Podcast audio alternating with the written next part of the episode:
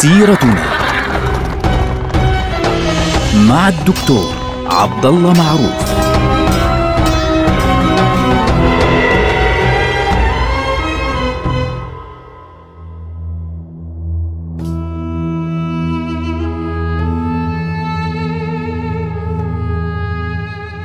السلام عليكم ورحمة الله وبركاته. سيرتنا سيرة هذه الأمة ونحن الآن في عهد السلطان عبد المجيد الأول. في عهد السلطان عبد المجيد الأول كانت بداية الاضطرابات الكبرى والتدخلات العميقة في آه، الدولة العثمانية. تحدثنا في حلقات ماضية على سبيل المثال عن تدخل الدول الأوروبية التي أدت إلى حروب أهلية لأول مرة داخل بلاد الشام تحديدا في منطقة لبنان. يعني عدة حروب وعدة معارك كانت بين الدروز والموارنة أسست فيما بعد ذلك إلى الصراع الطائفي الذي أدى بعد سنوات طويلة إلى حرب عنيفة في لبنان حرب آه، الأهلية في لبنان عام 1975 التي شهدناها يعني في زماننا الحاضر. آه، هذه الأحداث تبين لنا أن الدولة العثمانية كانت في مرحلة ضعف وفي مرحلة انحدار كبير. طبعا عند بداية حكم السلطان عبد المجيد خان كان الاضطراب الذي حدث بين قادة الجيش تحديدا القائد الأعلى الصدر الأعظم وبعض القادة الآخرين إضافة إلى إرسال الجيش طبعا إلى خارج البلاد إلى مصر.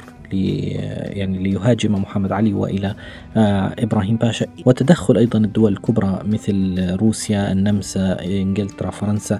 في هذه الأحداث أدت بالسلطان عبد المجيد اللي كان في ذلك الوقت عند بداية حكمه عمره يدوب 16 17 سنة إلى إصدار ما سمي بمرسوم التنظيمات فرمان التنظيمات.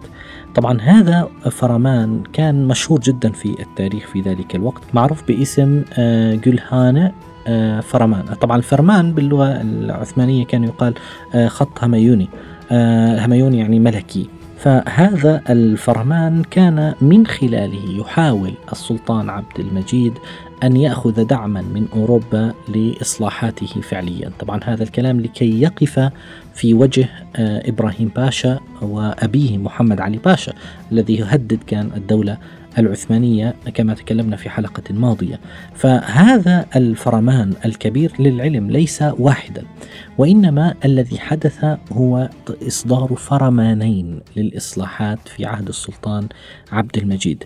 الفرمان الأول صدر تحديدا في آه، عام 1255 للهجرة الموافق عام 1839 للميلاد يعني مع بداية حكم السلطان عبد المجيد. لكن بعد ذلك طبعا دخل في آه، يعني مشاكل كبيرة مع محمد علي باشا وإبراهيم باشا. ثم بعد ذلك انشغل بحرب آه، روسيا العنيفة لحرب القرم العنيفة التي قامت في هذه المرحلة سنتكلم عنها لاحقا إن شاء الله. هذه الحرب استنزفت السلطان عبد المجيد لفترة طويلة وبعد أن انتهى منها التفت مرة أخرى لإعادة هذه الإصلاحات مرة أخرى ليبين هذه الإصلاحات ويستمر فيها ويصدر فرمانا جديدا سمي فرمان الإصلاحات الخيرية. فعليا. في كان ذلك في نهاية حكمه يعني آه، صدر بتاريخ 18 فبراير 18 2 عام 1856 الموافق لعام 1272 للهجرة. يعني إحنا بنتكلم تقريبا قبل خمس سنوات من وفاة السلطان عبد المجيد آه، الأول. في الفرمان الأول وهو فرمان جلهانة يتكلم الفرمان وقد ذكر وترجم إلى العربية على فكرة. الفرمانين ترجموا إلى العربية. الفرمان الأول يتكلم عن آه، فكرة إعادة الحياة إلى القوانين وإلى الدولة العثمانية. ويقول هنا هناك نقطة مهمة أنا لفتت نظري عندما قرأت هذا البيان.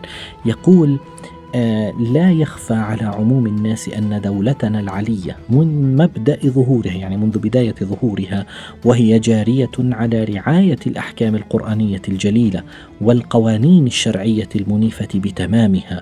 ولذا كانت قوة ومكانة سلطنتنا السنية ورفاهية أهاليها وصلت حد الغاية. هذا كان في البداية. لاحظوا ماذا يقول. هنا النقطة المهمة. يقول وقد انعكس الأمر منذ 150 سنة. من 150 سنة قبل السلطان عبد المجيد. يعني إحنا نتكلم هنا عن منتصف القرن التاسع عشر فهو يتكلم بالتالي عن بداية القرن الثامن عشر أو نهاية القرن السابع عشر فعليا. اللي هي مرحلة الضعف وبدل الجمود صرنا في مرحلة انحدار ماذا يقول هنا؟ يقول انعكس الأمر منذ 150 سنة بسبب عدم الانقياد والامتثال للشرع الشريف ولا للقوانين المنيفة بناء على طروء الكوارث المتعاقبة والأسباب المتنوعة فتبدلت قوتها ضعفا وثروتها فقرا. لاحظت هذه المعلومة كانت في بداية الفرمان وهذه نقطة في غاية الأهمية. إن الله لا يغير ما بقوم حتى يغيروا ما بأنفسهم. طبعا هذا التغيير قد لا يعني ليس بالضرورة يكون من الأسوأ إلى الأحسن أيضا من الأحسن إلى الأسوأ. فإذا بدل الناس ما في أنفسهم وهذه مسألة قرآنية تكلم عنها القرآن الكريم وعلمنا إياها النبي صلى الله عليه وسلم وأصحابه الكرام. هذه النقطة أساسية في التاريخ أنه إذا ابتعدت فعليا كدولة وكمشروع عن فكرة المشروع وفكرة الدولة التي قامت حوله دولتك وقام حوله مشروعك السياسي لم تعد فعليا آه، مشروعا قائما على فكر وعلى مبدأ وإنما أصبحت مشروعا تجاريا إن صح التعبير. يمكنك أن تضعف ويمكنك أن تسقط بكل بساطة. وهذا الأمر كان واضحا في بداية هذا الفرمان فرمان جلهانة. طبعا هذا الفرمان يعني هو يتحدث بالدرجة الأولى عن تأسيس قوانين جديدة لإدارة الدولة العثمانية ول آه، يعني الأمن حفظ الأمن وحفظ الأموال وإلى آخره. فمثل الدستور إن صح التعبير لكنه عبارة عن فرمان من السلطان مباشرة بنفسه يعطيه إلى الرعية. طبعا هنا يتكلم في هذا الفرمان في البداية يتكلم عن الأهمية العسكرية وأهمية ضبط الجيش وهذه نقطة كانت مهمة ضبط الجيش بحيث يكون الجيش آه، منتظما يكون آه، يخدم الجندي لمدة خمس سنوات ليس أكثر إلى آخره. يتكلم عن موضوع الإيرادات وموضوع الأموال وموضوع الخراج على أن يكون الخراج مناسبا على قدر الأملاك. يعني لا يؤخذ منه زيادة ولا يؤخذ منه يعني أقل من اللازم. وهذه أيضا نقطة مهمة جدا ثم يتكلم بأسباب عام يعني عامة جدا عن موضوع الرشوة والتحريم الفساد وغيرها من الأمور.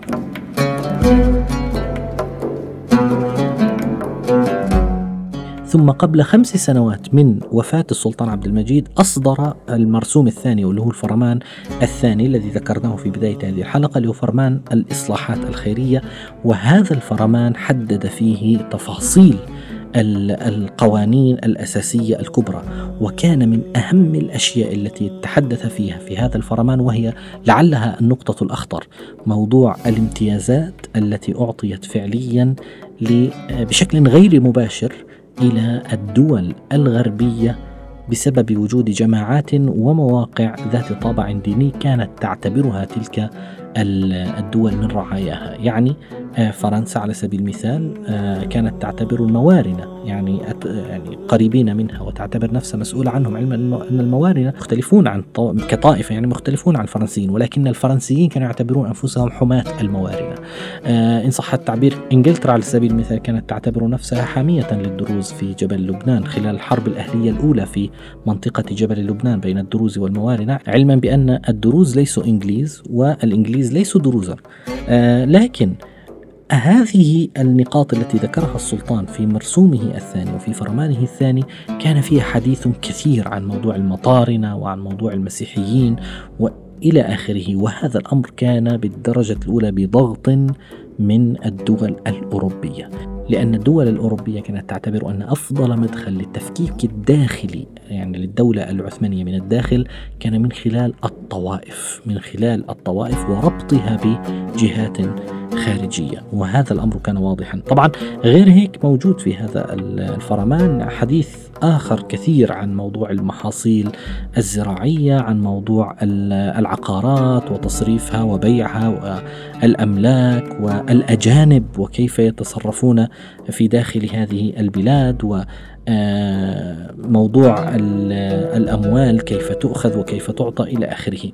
هذا الكلام كان له أهمية كبيرة لاحقا يعني على الدولة العثمانية لأنه أدى بشكل كبير جدا إلى ازدياد نفوذ السلطات الأجنبية خاصة فرنسا وإنجلترا في داخل الدولة العثمانية. إضافة إلى ذلك بدأت الدول الأوروبية تعطي الأموال للدولة العثمانية ويعني إن صح التعبير توقعها في حبائل الديون. أحيانا بحجة آه، مثلا دعم الرعايا الذين يعني تعتبر نفسها تلك الدول مسؤولة عنهم. مثلا الرعايا في القدس أو الرعايا المسيحيين الأرثوذكس أو الكاثوليك آه، أو غيرهم. آه، روسيا على سبيل المثال تعتبر نفسها حامية الأرثوذكس. إنجلترا تعتبر نفسها حامية البروتستانت وهكذا. أو أحيانا كانت من خلال إقراض السلطان عبد المجيد لكي يبني ولكي يتوسع هنا وهناك. ولكي يضبط الأمور المالية إن صح التعبير أو القانونية في الدولة تحت عنوان آه، ضبط الأمور والإصلاحات والقوانين الجديدة كانت تجري تغييرات كبيرة جدا في بنية المجتمع وفي بنية الدولة بشكل كبير جدا.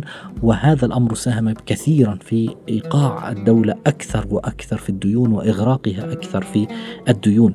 يعني السلطان عبد المجيد كان يريد أن آه، يحدث الجيش مثل ما فعل والده السلطان محمود الثاني لكنه وجد أن الجيش كان محدثا بشكل كبير جدا وأضاف له إضافات أخرى إضافة إلى نقطة مهمة جدا. السلطان عبد المجيد أيضا كان رجلا يحب يحب البناء ويحب اللحاق بركب الحضارة الأوروبية من الناحية البنائية ومن الناحية العمرانية. فعمل على بناء قصر في غاية الفخامة والضخامة اللي هو قصر دولمباتش وهذا القصر كلف الدولة العثمانية كما تقول بعض المصادر حوالي 200 إلى 250 مليون ليرة ذهبية. نتكلم عن مبلغ مذهل. طبعا هذا القصر بني في عهد السلطان عبد المجيد الثاني وسكن فيه آخر ست سنوات من حياته وهذا القصر مبالغ في الفخامة فيه لأنه كان يعتبر أنه كلما زادت فخامة القصر يعني ظهرت عظمة الدولة وظهرت عظمة هذه المنطقة وهذه الحكومة. وهذا الأمر لم يكن كذلك لأنه هذه العظمة وهذه الفخامة وهذه الضخامة كانت تقوم فعليا على الديون والديون كانت تسمح للدول الأوروبية بالتدخل في الشؤون الداخلية للدولة العثمانية وهذا الأمر كان في غاية الخطورة. لذلك على سبيل المثال عندما ندخل إلى قصر دول مباهجة اليوم نجد فيه ما لا نجده في قصر توبكا سراي وخاصة من القطع الأوروبية الأرضية إيطالية الثريات إنجليزية وغير ذلك. وهذا يدلنا على أن هناك كان يعني ماذا نسميها أحيانا وضع للأمور في غير نصابها الصحيح وفي غير مكانها. الصحيح. كان السلطان يريد من خلال ذلك أن يظهر قوة الدولة ولكنها لم تكن قوة حقيقية في هذه المرحلة. نلقاكم على خير والسلام عليكم.